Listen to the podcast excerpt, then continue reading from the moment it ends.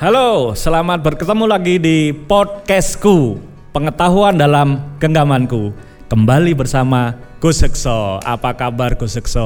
Baik, Mas Siap. Gatot. Kita lanjutin ya obrolan kita yang dulu nih Siap. Masalah lele nih Saya Jadi sudah saya nunggu-nunggu ini. penasaran nih Kolam satu sudah, kolam dua sudah. Nah sekarang saya penasaran untuk yang kolam terakhir kemarin yang mau eh, digemukkan Oh, yang. 5 kali 8 ya? 5 kali 8 ya. 5 kali 5 kali 8 tingginya air sekitar 70 sampai 80 kemarin. Betul. Nah, enggak masih penasaran satu kolam segitu itu kalau sudah masuk ke situ Iya. ya dipindahkan dari kolam kedua itu kira-kira berapa lelenya itu yang boleh dimasukin situ ngitungnya kira-kira seberapa itu Gus? Ya, jadi Sebelum ke makanannya nih. ya kepadatan ya. Jadi Nah. kalau kita berbicara kepadatan kolam itu pada saat 1 meter persegi itu 250 lele. Jadi kalau 5 kali 8 kan 40. 40 Kalikan 250 alias 10 ribu. 10 ribu. Heeh, ceban lah.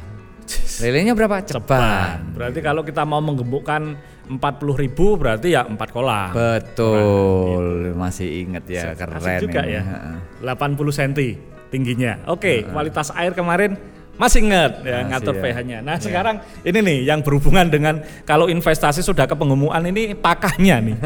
Aku kemarin baru tahu eh, ke- kemarin kita ngomongin one on one ya. Iya betul. One on one kalau satu ton berarti nanti pakan satu ton harusnya lelenya sekitar satu ton juga. Mm-mm. Detailnya gimana nih Gus masalah makanan? Ya. Karena ini kan kos paling gede nih kalau kita pengemukan. Ya, ini kita berbicara FCR berarti. Apa itu FCR? Food Conversion Ratio. Food Conversion Ratio. Iya, Oke. jadi ini belum sampai ingredient ya, belum, Belum, sampai ke belum, ya. eh, s- eh, anu makanannya itu apa Ya, aja ya dalamnya. Betul. oke, oke. Oke. Food conversion ratio tadi kan saya jelaskan sekitar 5% tadi dari biomas. Iya, Kemudian dari- dia one on one. Iya. Kemudian eh, ada ingredientnya juga di dalamnya. Terdiri dari karbohidrat, Karbohidratnya protein, berapa? protein. ya, dan nutrisi dan vitamin. Oke. Nah, untuk karbohidratnya 30%, nutrisinya 15%. Yes. Kemudian untuk yang lain-lain itu sisanya. Nah, biasanya kalau beli ya langsung yang karungan atau pelet itu dia sudah stabil itunya. Oke. Untuk ukurannya udah udah ada. Oke. Tetapi yang saya bilang tadi kalau misalnya kita mau bikin sendiri. Iya, nyampur Nah, sendiri gitu Nah, kan, itu gitu kan. FCR-nya tadi aturannya seperti itu kira-kira. Gitu. Heeh. Kalau mau sedikit berbeda kan kita bisa coba-coba juga ya Gus ya? Bisa, boleh. Tapi kalau mau coba-coba jangan semua kolam. Oke. Satu Ha-ha. kali dua tadi, Oke. selama dia tidak untuk pembenihan, itu Iya. bisa buat coba-coba. Oke. Itu tujuan. Soalnya kalau takutnya kalau kita pakai standar yang beli nanti lele kita kualitasnya ya sama dengan tetangga sebelah dong. Maksudnya gitu kalau kita coba-coba gitu. bisa itu. Biar- Bagus itu. Biar agak gemuk tapi enak gitu kan. Oh, ada ada Karbohidratnya banyakin nggak kalau pengen gemuk? Yang jelas. Oh gitu, nggak nggak perlu keto dong. Oh, iya. Oke, jadi gitu makanannya eh, ngitungnya begitu ya. Iya, Eh, betul. siap. Iya. Jamnya sudah diatur. Iya, betul. Nah, ini kira-kira dari sampai eh, masuk ke kolam ketiga sampai pemanenan itu kurang lebih berapa hari atau berapa bulan tuh? Gus? Iya.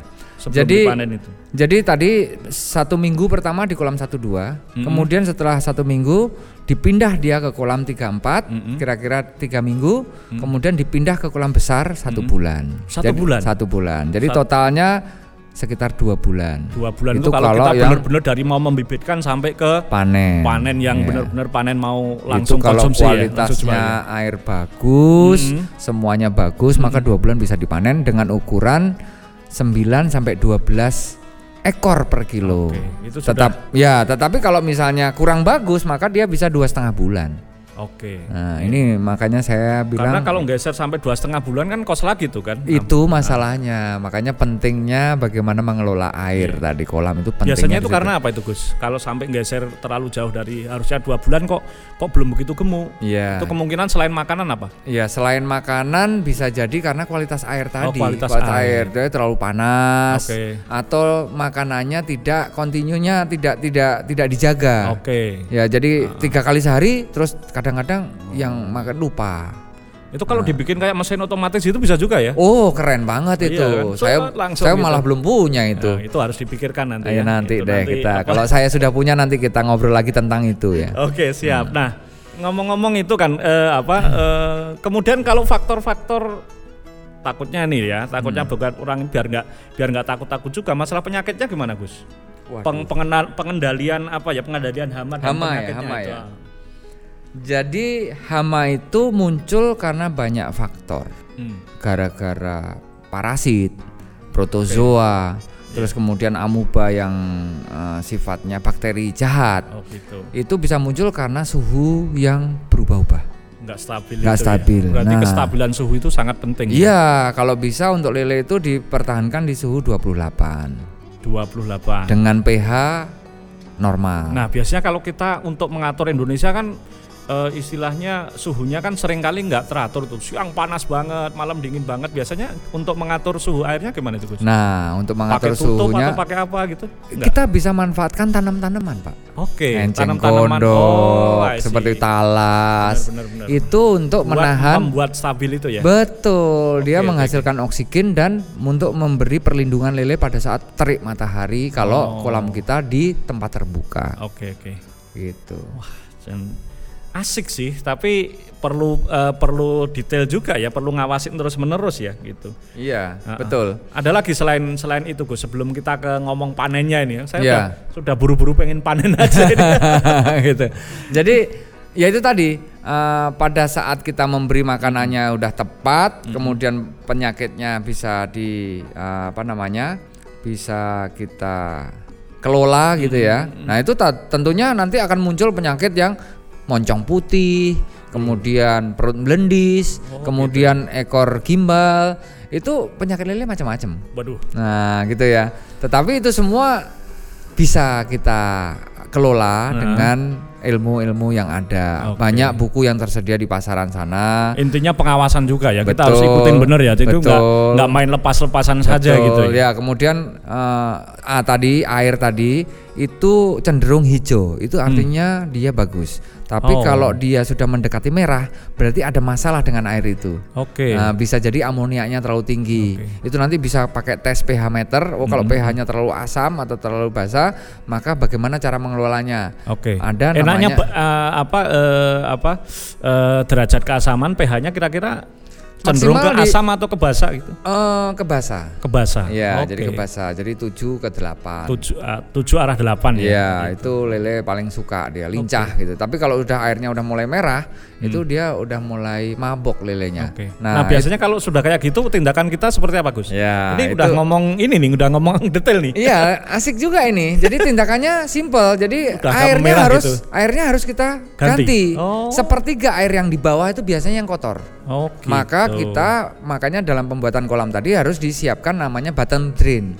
Bottom drain itu adalah bagaimana membuang dari bawah. Oh, yang bawah Iya. dibuang dulu. Dibuang, nanti gantian dari airnya atas. Oh. agak turun sambil bersamaan diisi air baru. Nah, air baru ini nggak boleh yang dari tanah, tapi dari kolam sebelah Kari yang kolam yang sudah yang diendapkan sudah kemarin. gitu. Wah, tadi. Itu makanya perlu kolam gedenya kenapa empat itu Siap, karena siap, siap. kita persiapan untuk cadangan air dan lain-lain. perlu kolam cadangan juga ya. Betul mas, Oke. untuk memisahkan yang sakit ke kolam cadangan dan segala macam.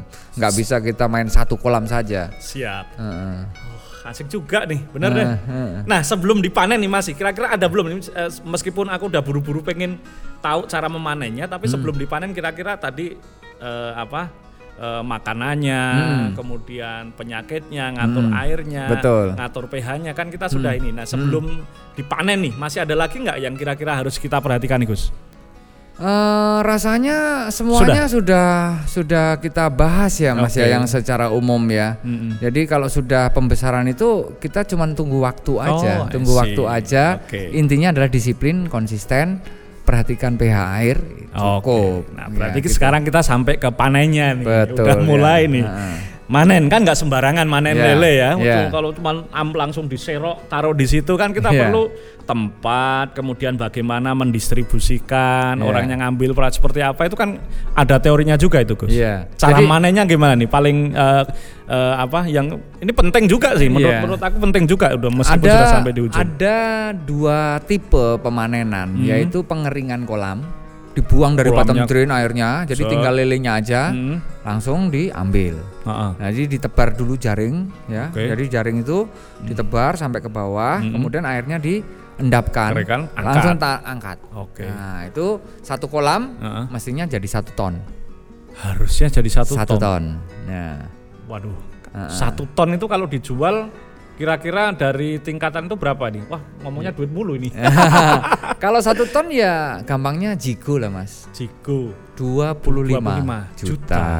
Karena 25.000 ribu per kilo dikalikan 1000 maka 25 Wah, juta. juga ya. Itu dengan investasi sekitar 19 juta. 19 juta dapat 25 juta. Ya, 19 juta itu sudah tadi obat, Oh, oh, air iya, iya. pompa, kemudian Tenaga listrik. kerja ya, tenaga kerja ya. Ya, terus kemudian makanan, Makanan, semua itu 19 juta. Jadi Oke. artinya dalam dua bulan itu kita ada sekitar 6 juta. Iya, iya. Makanya saya bilang tadi kalau kita mau bermain bisnis, Hmm. maka kolamnya adalah 248. Oh, nah, iya, 248 iya, itu artinya kita setiap Delapan. setiap bulan bisa panen dua kali. dua kali Ya, berarti satu Dua- bulan 12 juta. netnya ya. Iya, netnya. Iya, iya. Gitu. Oke sih sebenarnya eh, apa mungkin marginnya kalau tadi 25 juta dari 19 juta eh, ya oke lah gitu. Iya. Tapi eh, dari sisi eh, investasi dan perawatannya kan dibandingkan ikan-ikan jenis lain kan relatif lebih gampang lele. Iya. mungkin kalau apa buat investasi lebih pasti gitu ya. Iya, nggak deg-degan, Mas. Nah, iya, nggak Heeh. nggak deg-degannya nggak Iya. banyak ya. Iya, Kayak kita tinggal koi, lupa dua hari kita tinggal pun Oke. masih hidup dan sehat-sehat siap, saja. Oke, tadi baru jaring diangkat. Ada lagi cara lain nggak? Cara yang lain itu adalah kita menggunakan kayak yang ada alatnya, Mas. Hmm. Jadi kayu dari Hmm. ujung ke ujung Hmm. ditaruh di bawah, Ya. kemudian ada jaring di didorong. Diserok Nah, gitu. Oke. Ini ada kelebihannya. Kelebihannya apa? Nggak Airnya- buang air. Nggak buang air. Nggak buang air, air itu masih bisa dipakai Masih bisa lagi. dipakai lagi. Nah, jadi tinggal ditarik aja, nanti di ujung Hmm. baru diangkatin sedikit-sedikit dengan jaring kecil. Biasanya eh, media untuk ngangkutnya pakai apa itu? Anu Gus. Eh, ember-ember, Mas. Ember-ember, ember-ember biasa. Nah, biasanya itu yang menyediakan adalah yang membeli. Yang beli. Mereka Oh. sudah datang jemput gitu ya. Iya, bahkan belum panen pun mereka sudah berdatangan. Sudah apa? Sudah naruh tempatnya dulu nih ya. iya, bahkan kita Asik ya. ditawarin ijon, Mas. Oh gitu. Iya, belum panen pun sudah mau bayar dia. Kalau perlu nih ya pakannya tak bayarin dulu gitu. Kebanyakan juga ya. begitu karena Oke, memang oke. memang ini adalah investasi yang memang tidak begitu bombastis, tetapi ini Pas- di masa-masa pandemi ya. seperti ini bisa bisa jadi Iya, alternatif gitu. alternatif. Dan di masa pandemi gini kan salah satu industri yang masih bertahan makanan, makanan kan? betul. Makanan iya. benar. Semua orang beralih ke bisnis makanan. Betul. Terus terang loh ini ya. Iya. Eh, itu ada perusahaan yang paling kena itu kan perusahaan pariwisata itu. Iya. Terkenal tuh. Sekarang bikin Iya. eh, apa? Bikin restoran. Iya. Panorama Tour itu Iya. biar nggak apa biar nggak PHK karyawannya dia banting setir bikin eh, restoran tapi Iya. online. Iya. Jadi semuanya bekerja biar nggak di PHK. Iya. Jadi lele eh, masih apa ya masih sangat layak untuk dicoba ya teman-teman. Tapi ada satu lagi nih Apa Mas itu? yang menarik nih. apa itu yang Saya menarik itu? pernah lihat di daerah Bekasi. Hmm.